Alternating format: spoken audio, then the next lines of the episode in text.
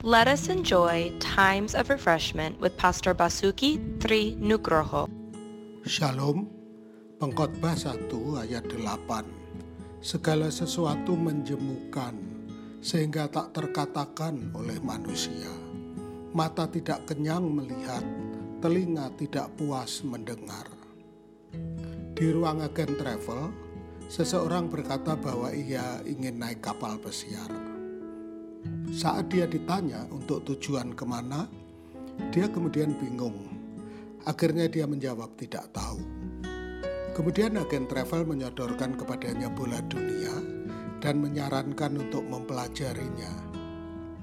Tetap bingung dan tidak bisa mengambil keputusan, kemudian dia bertanya, "Apakah hanya ini yang bisa Anda tawarkan?"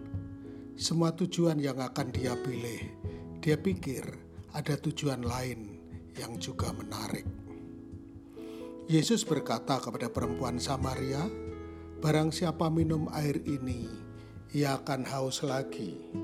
Tetapi barang siapa minum air yang akan kuberikan kepadanya, ia tidak akan haus untuk selama-lamanya."